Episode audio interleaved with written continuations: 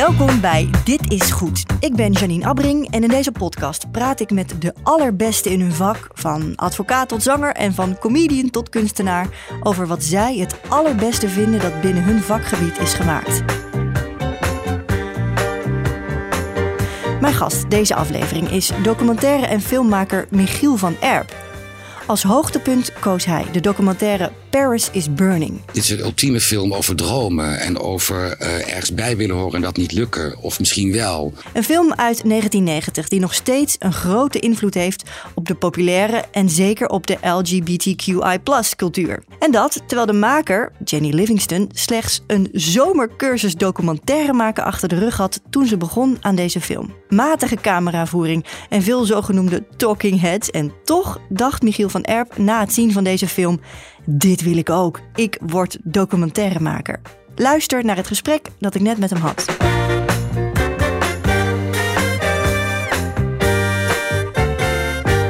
Michiel, welkom. Fijn dat je er bent. Ja, natuurlijk. Uh, we beginnen deze podcast altijd met een uh, korte bio. Een paar punten die jou min of meer samenvatten. Dat was bij jou nog niet eenvoudig, in alle eerlijkheid. Okay. Zou je zelf zeg maar, de hoogtepunten van, van je carrière zo uit je mouw kunnen schudden? Uh, oh nee, ook niet heel nee. gezegd. Nee. Nou, nee, dan, ga, dan ga ik een poging ik, voor je wagen. Okay. Ja? ja? En als je het niet mee eens bent, dan, dan zeg ik dat. Dan hoor ik het graag. um, in jouw documentaires, uh, en trouwens ook speelfilms, theatervoorstellingen, laat je mensen zien die een ander beter leven willen. Je personages zijn dapper, uh, lopen niet in de pas, jagen hun dromen na. Tenminste, dat is wat je hier zelf over hebt gezegd in een interview. Je maakte portretten van bekende Nederlanders. Connie Palme, Erwin Olaf, uh, Beatrix, zangeres zonder naam. Dat is ook wel een leuk rijtje zo op, achter elkaar. Ja, inderdaad, ja. Misschien moet je ze allemaal... Connie Palme, Beatrix, zangeres zonder naam. Ja. Erwin Olaf, niet allemaal vastlegt. Uh, maar vaak zijn ook juist gewone mensen de personages in jouw films. Uh, zoals in Pretpark Nederland, waarin je een tocht maakt langs allerlei plekken waar Nederlanders hun uh, vrije tijd doorbrengen. Van de Libelle Zomerweek tot de mislukte lancering van een nieuwe attractie in de Efteling. Voor je televisieserie Ramses over het leven van de jonge Ramses Shaffi in het Amsterdam van de jaren 60 en 70 sleept je uh, een hele rits prijzen in de wacht, waaronder Zilveren Nipkoff schrijf, beste televisieprogramma en de Prix Europa voor beste dramaserie. En nou ja, zo kan ik nog wel even doorgaan. Volgens mij op de opleiding journalistiek wilde iedereen jouw woorden dan wel zijn. Dus daar, daar komt het een beetje op neer. uh, je hebt zoveel gemaakt. Het is een oneindige. Rode draad, denk ik, drijfveren en dromen. Zeg ik dat zo goed? Ja, ja zeker. En ook... Um... Uh, ja, en dan gaat het met name om die dromen. Ze hoeven er niet uit te komen. Hè. Ik vind in ieder geval de, de poging om uh, ja, even van het pad af te lopen, zeg maar het rechte pad, zoals je leven eigenlijk voor je uitgestippeld is. Um, ja, daar heb ik altijd een mateloze belangstelling voor gehad. En daar gaat eigenlijk bijna alles over. Dus het is eigenlijk leuker als de droom niet uitkomt. En je, nou, en voor er... televisiekijkers of filmkijkers is het leuker als de droom niet uitkomt. Maar um, nou, zeker in mijn vroegere werk ging het heel vaak over, oh wat sneu allemaal. Terwijl ik daar eigenlijk huilend naar keek, bij wijze van spreken. Dus ik vond het eigenlijk nooit zo heel erg grappig. Maar het heeft ook heel, ja, nou, daar hebben we het misschien straks ook nog wel over. Maar, ja, um, over die dunne scheidslijn tussen. Ja, tussen... dus ik kijk naar mensen, je maakt documentaires over mensen, maar ondertussen uh, zijn die, leven die mensen in een andere wereld dan de wereld waarin ik woon en leef. En dat, is natuurlijk, dat maakt het altijd ingewikkeld, documentaires. En dat is soms om te huilen en ook om te lachen. Ja. Ja. Maar ik heb nooit dingen om de lach gemaakt, laat ik het zo zeggen. Ik begrijp je. Laten we meteen doorgaan naar jouw keuze. Want dit is tenslotte de podcast Dit is Goed. En jij hebt gekozen voor iets wat jij binnen jouw vakgebied het mooist, het best, het meest indrukwekkend vindt. Je hebt gekozen voor de documentaire Paris is Burning. Documentaire uit 1990 van Jenny Livingston over ja, het begin van de drag scene in New York in die jaren. Het heeft niks van doen met Parijs. Even voor de goede orde voor mensen die de film niet uh, kennen. Het is vernoemd naar een van de hoofdpersonen in de film, Paris Dupree. Um, hoe lastig vond jij het om een keus te maken? Ik vond het verschrikkelijk lastig. Want ik ben, ja, ik, ik, ik ben toch echt vooral een maker die heel erg vanuit mijn eigen uh, beleving dingen maakt en aangaat. Ik ben niet iemand die denkt, hey, daar moet een documentaire over gemaakt worden, want het is heel belangrijk, dat moet de hele wereld zien. In de wereld is, is vooral rond mijzelf. Uh, mijn wereld, ja, die speelt zich vooral rond mijzelf af, van mijn eigen ervaringen en dingen in het leven. Ja, dus urgentie is voor jou uh, minder aan de orde, maar het is meer je persoonlijke fascinatie, fascinatie. Ja, en soms ook wel dat ik een wereld graag in wil stappen. Waar ik zeg maar zonder camera niet in kan stappen. Dus dat, dat zit al dicht bij mijzelf. Ja. Toen heb ik eigenlijk gekozen voor een film die ik eh, in het jaar dat die uitkwam zag in Rotterdam in een bioscoop. En ik was toen net begonnen eh, als jonge programmamaker bij de VPRO.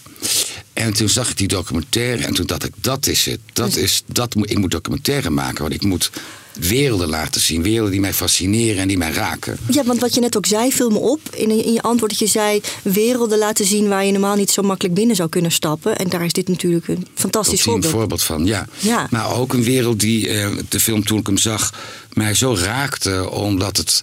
Dit is een ultieme film over dromen en over eh, ergens bij willen horen en dat niet lukken. Of misschien wel. Ehm, en daar, eigenlijk gaat mijn werk, al het werk wat ik daarna gemaakt heb, ging ook daarover. Dus daar moest ik dan terugdenken. Het is eigenlijk de eerste film die mij mateloos fascineerde. Daarom heb ik deze gekozen. En dus jou heeft geïnspireerd tot je eigen carrière. Ja, zeker te weten, absoluut. Ja. Ja, de, de, de drag scene eh, in New York in die begin jaren negentig, of de film is gedraaid over een periode van zes jaar, eind Ja, jaren tachtig dan New denk ik, in. New York. Eh, kun jij die scene omschrijven? Ja, dat is een ingewikkelde, ingewikkeld om uit te leggen.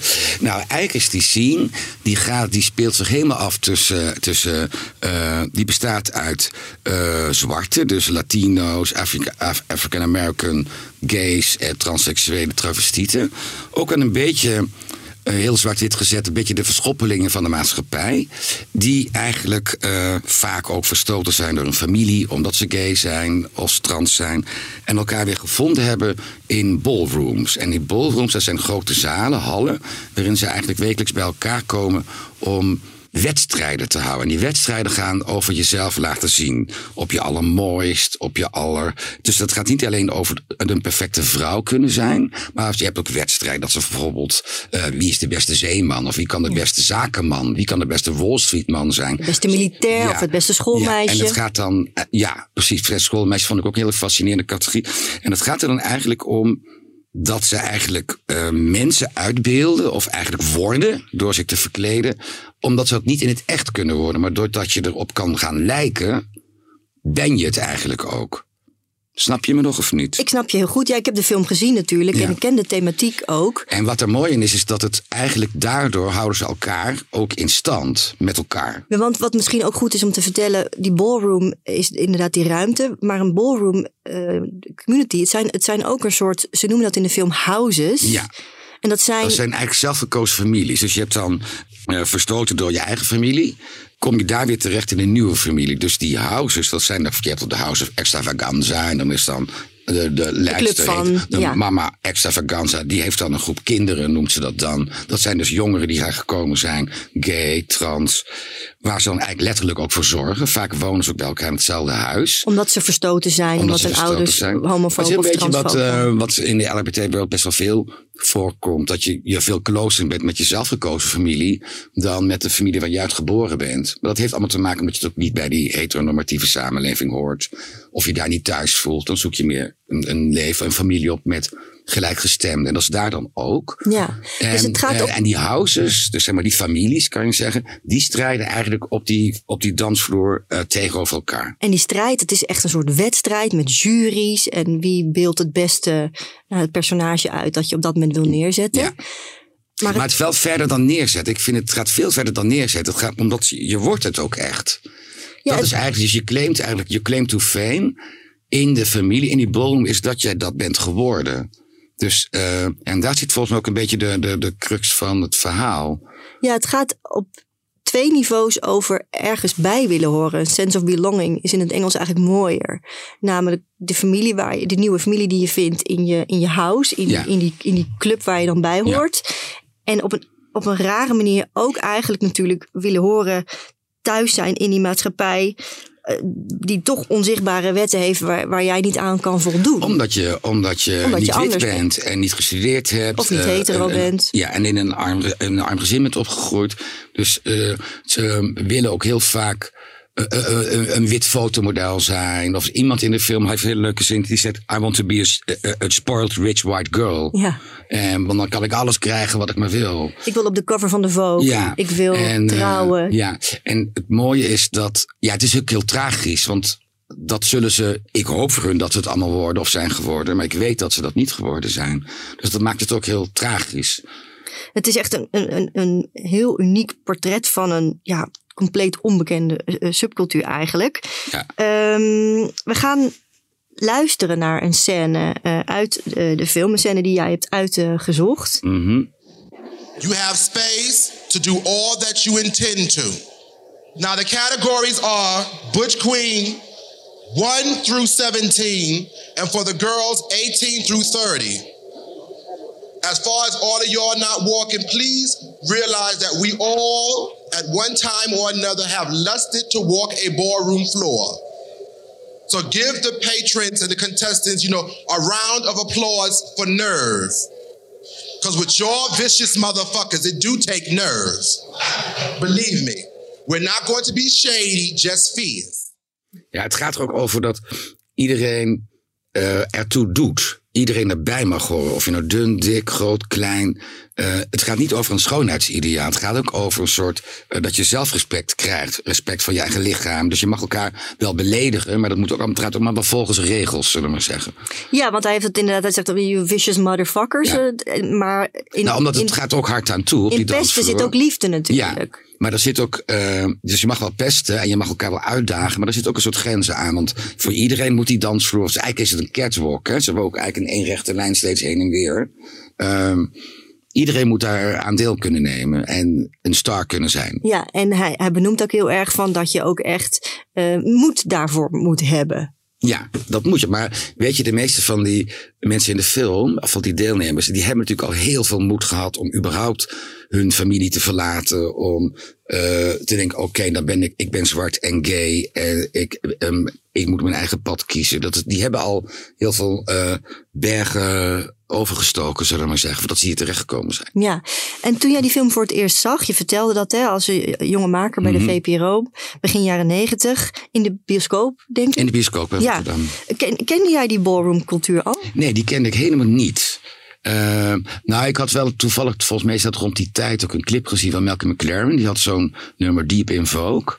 En daar werd ook al Vogue in gedanst. En Vogue is dan, ja, zeg maar, dus zoals de, de modellen poseren op het blad, in het blad Vogue. Met hun arm, handen in hun zij of tegen hun hoofd. Zo is die dans ook eigenlijk. En dat is in die ballrooms ontstaan? Ja, dat is in die ballrooms ontstaan.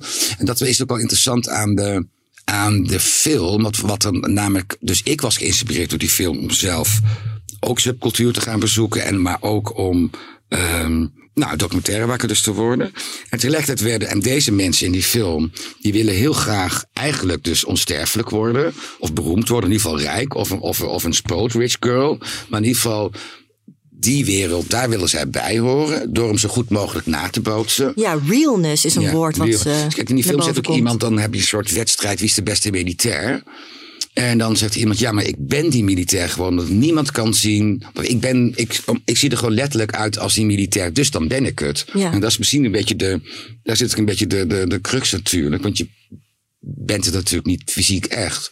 Het gebeurt ook. Ze naait natuurlijk heel vaak zelf hun kleren. En dan, uh, dat zie je ook in de film. Dan jatten ze eigenlijk de lepeltjes in, in, in, in een warenhuis. Om die er dan weer in die zelfgemaakte kleren te naaien. Zodat het dan nog meer net echt lijkt, zullen we maar zeggen. Dus het maakt het heel. Uh, ja, om zo dicht mogelijk die werkelijkheid te benaderen. Te benaderen. Maar vooral bij die militair of bij die zakenman, als mm -hmm. je dan die, die gay African Americans ziet, die dan een eigenlijk witte zakenman, toch? Want met zo'n ja. koffer ja. en die houding ja. en de trots. En ik hoor hier thuis op Wall Street die uitstraling hebben. Het is, het is ook een vorm van protest natuurlijk. Toch? Ja, maar het gekke is dat die protest. Ja, want, maar ze doen het voor elkaar, snap je? Dus die andere wereld, die witte wereld, die geprivilegeerde wereld, die ziet dat helemaal niet. Ja, nu dus in die documentaire, of toen. Maar dat was natuurlijk hun eigen wereld. Ja. Is dat ook inderdaad... Nou, dus jij zegt verzet. Zij, ja, maar het is meer een heel diep verlangen om daar dat wel te zijn. Kijk, en uh, voor een gedeelte van de hoofdpersonages in die film is in die wereld zitten voldoende. Maar sommige van hen willen daar wel degelijk uitbreken om het wel degelijk ook echt te worden. Er zit wel een hele leuke scène in de film. Het is een heel knap een meisje. Of ja, nou, meisje is in ieder geval op, op de catwalk een meisje. Een transvrouw. Dus dan is ze een meisje. Ja, dat weet ik niet. Of ze nou, dat weet mm -hmm. ik eigenlijk niet. Maar in ieder geval, Ehm, en die gaat dan meedoen. Dan is er een heel groot warenhuis in New York. Van Ford Models is er een... ehm, ja, Een kan casting, ieder, een ja. casting. Kan, iedereen kan zich inschrijven om Model of the Year te worden. En zij gaat dat dan ook doen. Nou, dat vind ik bizar ontroerend. Ja, met grote dromen ja, inderdaad. grote dromen. En, ja, ehm, en dat je dat dan eh, doet en dat ook niemand weet wat je achtergrond is. Dat is natuurlijk super bijzonder als dat lukt. Ja, In de film zie je helaas niet hoe dat afloopt. Maar eh, dat fascineert mij totaal. maar je moet het lef hebben inderdaad. Is Ja. dat, is dat eh, wat inderdaad een goede film in zich heeft? Een, een nieuwe wereld laten zien aan kijkers die je als toeschouwer nog niet kent? Dat vind ik een van de belangrijkste eigenschappen van een goede documentaire. Maar ook, dus los van de wereld die je niet kent, maar ook dat je geconfronteerd wordt met mensen die jou zelf inspireren of iets kunnen vertellen. Eh, dat is denk ik het allerbelangrijkste. Die je iets over jezelf leren, bedoel je? Eh, ja, als ik zie wat voor lef deze mensen in die film hebben, dat spreekt mij wel aan. Nou, Michiel, je mag ook wel meer je best doen om je dromen na te jagen. Snap je? Dus Ja. daar, zo simpel ligt dat voor mij. Dat heb je ook gedaan. Heb ik ook gedaan. Ja. maar eh, dat zijn voor mij de belangrijkste eh, eh, aspecten voor een goede documentaire. En bijvoorbeeld deze, qua vorm is deze film helemaal niet zo interessant. Want er zijn heel veel talking heads en heads. En je ziet eindeloos die catwalk. Ja, talking Maar head dat- is, betekent dat je, nou ja, pratend hoofd, dat zegt het al. Dus dat je iemand niet in een actie laat zien of Nee. in een handeling. Maar gewoon, ja, ze heeft heel vaak, de regisseur heeft heel vaak mensen gewoon op een bed gelegd. En dan Ja, in een weinig, eigen boudoir. Weinig achtergrond. wereld. en dan interviews Ja. gedaan op die manier. Ja, maar het heeft natuurlijk ook met onderwerp te maken. Wat veel van die mensen ook helemaal niet op straat gaan of durven of doen. Ja, en zich waarschijnlijk ook veilig voelen in, in, in hun eigen Ja, huis ja, om, om ja. zich, ook, zich bloot te geven. In dit geval doet die vorm er eigenlijk niet zoveel toe. En dat vind ik ook dat eigenlijk helemaal niet zo belangrijk. Nee? Nee. Want hoe Ik vind een vorm wel belangrijk, maar in dit geval niet. Ja. Want hoe het gedraaid is bijvoorbeeld, kun je daar iets over zeggen? Nou, het is vrij recht toe, recht aan gedaan. Ik begreep ook dat eh, de regisseur er echt jaren over gedaan heeft. Hij is natuurlijk eindeloos met die camera in die ballrooms geweest. En heel veel materiaal geschoten. ja, om- 75 uur las ik. Ja, ja, ik weet nooit zo altijd nooit of... Ja, in het begin van mijn filmcarrière draaide ik ook heel veel. Maar naarmate je meer ervaring hebt, dan begin ik nou, dat is helemaal niet nodig. Nou, ik kan nu wel achter eraan lopen. Maar dat heeft geen enkele zin. Wachten maar tot ze terugkomt. En Ja. dan scheelt je dan alweer eh, een kwartier. Zo Dat is ervaring. Dat is ja, ervaring. Ja. Ehm Vogue, het term is al even gevallen. Iedereen eh, kent dat natuurlijk vooral van Madonna. Eh, en de hit Vogue die kwam ongeveer tegelijkertijd Nou, die uit. ja, die kwam in denk een jaartje of zoiets ongeveer. Ja. Nou, wat daar fascin totaal fascinerend in is dat... ehm, dus Madonna had die scene ook gezien. Die heeft toen in die clip een paar mensen die ook in de documentaire zit laten dansen. En, En ze gingen mee op tour. en die ging mee op tour. Er is nog een hele, eh, de Blond Ambition Tour. Ik heb het in de tijd nog gezien. En dus die dansers die al die tijd... Die LHBT-dansers die al die tijd in die scene waren gebleven... die werden nu in één keer zelf beroemd. Dus zeg maar dat, dat, dat verlangen naar om een, een ster te zijn, op een podium te zijn, rijk te zijn, dat waren zij in één keer geworden. Tenminste, dat leek zo. Ze heeft ze wel ook groot gemaakt in die zin, want ze gingen mee op tour. Mhm. Maar ze heeft ze ook min of meer gebruikt. Dat was, dat was dan de kritiek destijds. Maar er is ook, die film heeft een enorm impact gehad. Dus inderdaad op, op, op, eh, op populaire cultuur. Toch ook qua, nu heb je nog natuurlijk tv-programma's rond drag queens. Nee, maar er is ook, en het wordt dan nog steeds, ook ieder jaar Paradiso, nog een hele grote wedstrijd eh, bij Super Bowl, waarin ook in Amsterdam zijn van die huizen nog steeds. Van, van die ballrooms. ja, en dan en die houses die strijden dan nog steeds tegen elkaar. Ik ga er ieder jaar ook zeker naartoe. Ja, Dat is hartstikke. Dus het heeft, wel, het heeft ook wel, denk ik, ehm, andere generaties LHBT'ers geïnspireerd om ook voor elkaar te zorgen. En ook in dit soort wedstrijden elkaar te ontmoeten. Het is niet iets van alleen maar van toen. Het is Mm. er wel nog steeds. Ja. Ja. Ehm, kritiek die Madonna kreeg. De maakster van de documentaire, die Livingston, die kreeg ook eh, kritiek. Ze zou zich eh, schuldig hebben gemaakt aan eh, cultural appropriation, zoals ze dat Ja. tegenwoordig noemen, culturele toe-eigening. Zij was een, een witte, maar is een witte, witte maakster. Eh, eh, weliswaar queer. Eh, maar toch wit. En dat ze zou een gemarginaliseerde groep hebben geëxploiteerd. eh, en geld hebben verdiend over de hoofden van die, van die ballroom. Ja, dat is natuurlijk een hartstikke ingewikkelde situatie. Ja. Kijk, want, ehm, kijk zij, zij komt uit een geprivilegeerde wereld. Het is een, een beetje zo heel eh, gestudeerd, een hele een familie, iedereen is kunstenaar. Ze is in die scene terechtgekomen. Ehm, Je kunt niet zeggen, dan mag je niks meer maken. Nee, Dan mag maar, je alleen je eigen wereld weergeven. Dat is het ingewikkeld. Ja, maar ik kan me voorstellen als je zo in de armoede leeft. Als er zo'n, het moet je, het is eind jaren tachtig. Het is wel een ander, weer iets, an, iets andere wereld dan nu.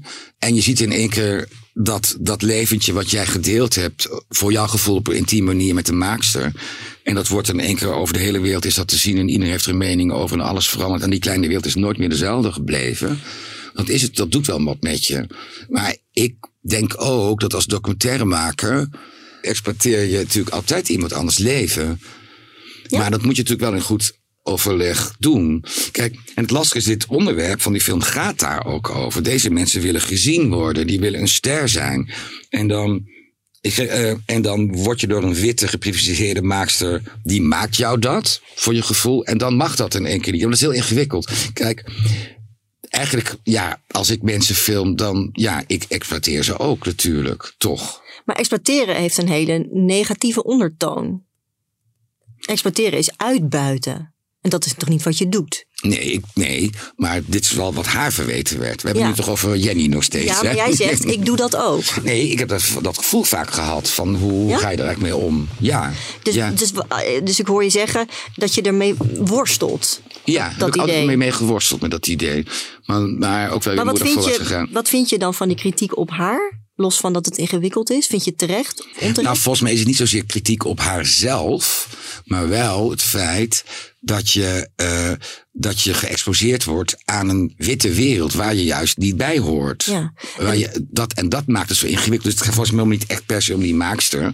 Wel zo'n film, weet je, die gaat dan de hele wereld over. In de bioscoop, distributeurs. En Zij heeft er veel geld aan verdiend. En die mensen in instantie in die film niet later hebben, heeft een aantal heeft nog wat geld personages gekregen. hebben Ja. nog geld gekregen. Ja. ja. Maar het rare is, want ja, die film later, nou een paar jaar geleden, is een hele een zeer geweldige dramaserie gemaakt. Totaal gebaseerd op deze documentaire. En ook op de karakters die erin zitten. Letterlijk, scènes in die film zitten ook in die serie. En daar is deze maakster dan weer bij betrokken geweest eh, voor adviezen en weet ik het wat. En dat is gewoon een hele populaire Amerikaanse HBO-dramaserie. Pose heet die. ja. En dus uiteindelijk zijn die levens ook nog eens een keertje weer gebruikt voor een dramaserie. Die, waarin je letterlijk je eigen leven nagespeeld wordt. In dit geval, wat het revolutionair is, dat in die dramaserie alle rollen door echte transseksuelen. Ja, wat is een echte transseksueel? Maar door transseksuelen gespeeld worden. Ja. Transseksuele acteurs. En niet En dat is heel cisgender erg mensen die... eh, ja. revolutionair. Dat was nog nooit vertoond.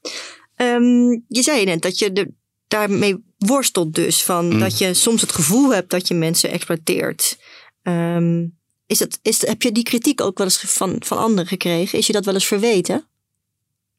Nee, dat is mij eigenlijk nooit verweten. Maar je zit altijd in een situatie. ehm, nou, ik kan me een goed voorbeeld geven wanneer ik daar heel erg mee geworsteld heb. Ehm, ik was gevraagd om een documentaire te maken over de MH17-ramp. En toen, ehm, die ramp was net gebeurd en ik was benaderd, zou jij daar een documentaire over maken? Toen, ik vond het spannend om te kijken wat ik daar als maker dan mee zou kunnen doen. En toen hebben we heel, is heel lang geresearched naar eh, families die allemaal nog op zoek waren eigenlijk naar lichaamsdelen van hun Overleden, overleden, overleden dierbaren. familieleden. Dus die waren eigenlijk in afwachting van een bewijs dat hun vader of broer of kind gestorven was. En toen dacht ik, ja, ik kan wel. En dan of ja, om de twee weken werden zij gebeld met, eh, nou, er is iets gevonden of er is niks gevonden. Nou, dat is zo schrijnend als je zo in de rouw zit en eh, dat geen enkele hoop is op iets. Want het kind krijg je nooit terug. Ja, en misschien een botje. Eh, ehm, dat ik me ook best wel schuldig voelde aan dat ik dat dan vastlegde. Ik denk altijd aan dat mensen die je filmt zelf ook een reden hebben om gefilmd te willen worden. Je moet altijd denken, ja maar what's in it for them? Want anders ben je alleen maar aan het plunderen in iemands emoties. Dat, dat, dat moet je niet doen. Dus in dit geval dacht kon ik alleen maar bedenken, ja, dat het misschien, eh, eh, hoe zeg je dat? Dat ze in ieder geval over hun gevoelens konden praten met een onbekende of zo. Het was zo'n heftige. ehm, daar heb ik met einde, maar ik heb heel veel nog steeds contact, gelukkig. En, eh, want het, ja, langzaam is het leven dan weer iets eh, waardevoller geworden. Maar daar heb ik me dat heel erg afgevraagd. En me ook toen ik ben aangegaan ik denk, ja, als het allemaal niet werkt of niet doet, dan, eh, dan, dan ga ik gewoon zorgen dat het ook niet uitgezonden wordt. Snap je? Dat ik dacht, ja, ik moet dat heel zorgvuldig doen. Ja, je wilde wel het idee hebben dat Ja. zij er ook iets aan hadden. Dus dat je niet alleen maar iets komt halen. Ja. En vaak is het wel zo als je mensen filmt, dat je, zij ook wel daar wat aan hebben.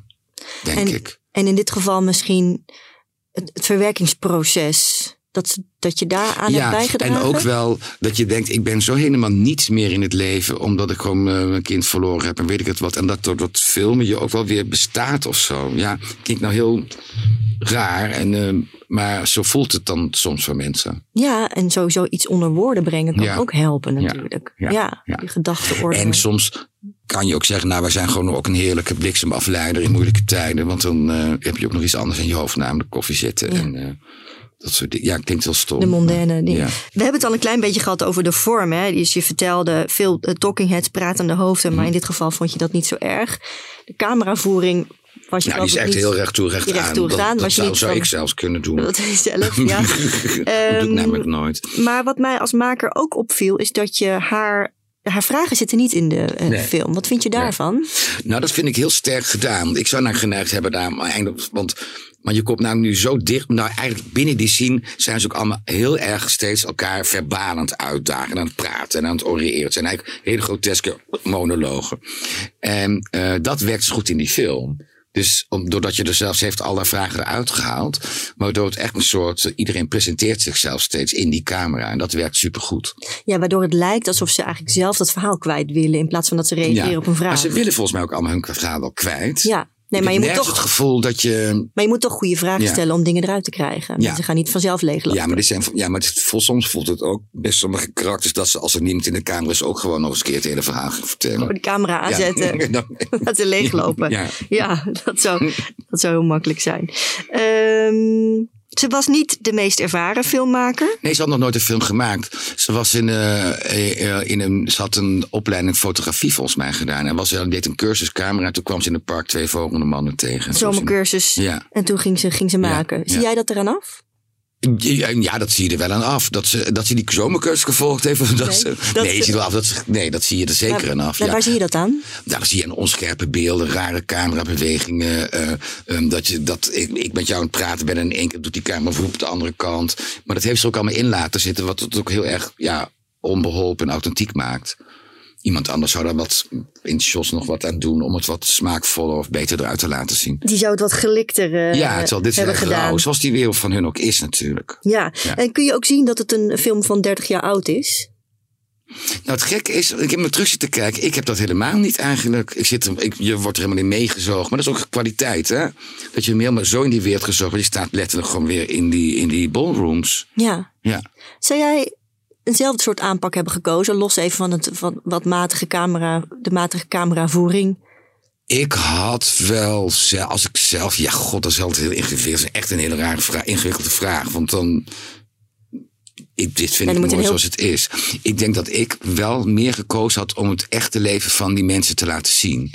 Kijk, nu zie je ze alleen maar in die kamertjes. En ehm, nou, soms belost tot twee meisjes hier op een gegeven op een strand, wat ik een hele leuke scène vind. Maar ik had wel meer hun eigen leven dan wel meer een dagelijks leven willen laten, willen zien. Ja.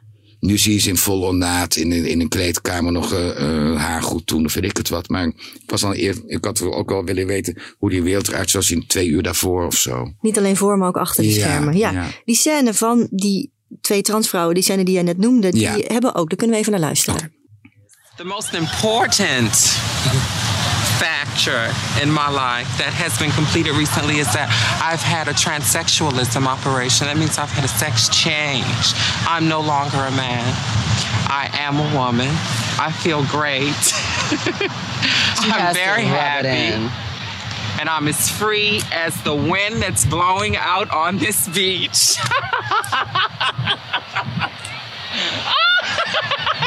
Except that voice is still there. Ah, As free as this beach. I am what I am.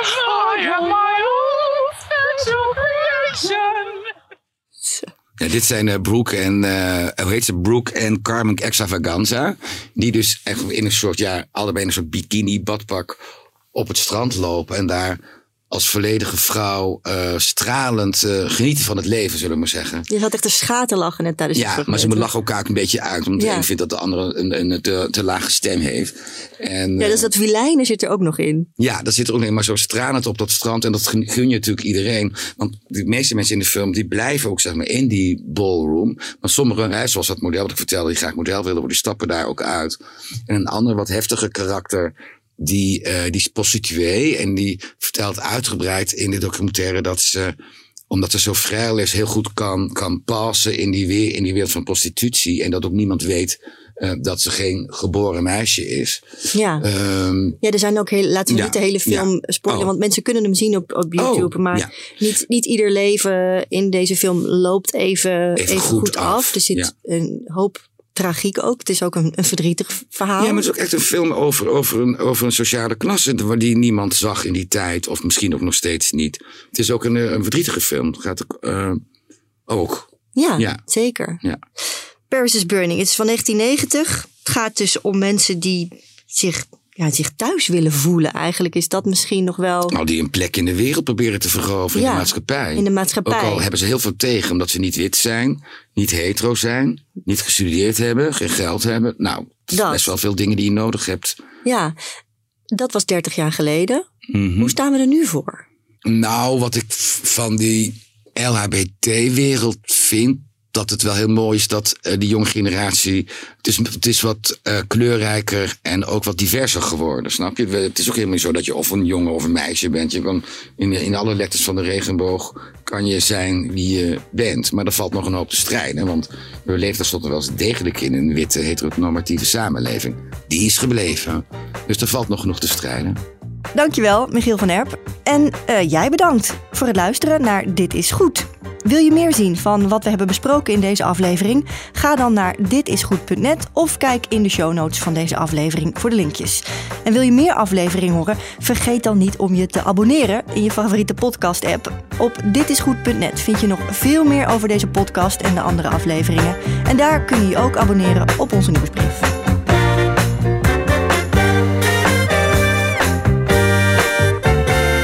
Dit is Goed is een podcast van Byline. Concept, productie en redactie Anton van Elburg en Remco Thomussen. En wil je meer zien? Ga dan naar ditisgoed.net.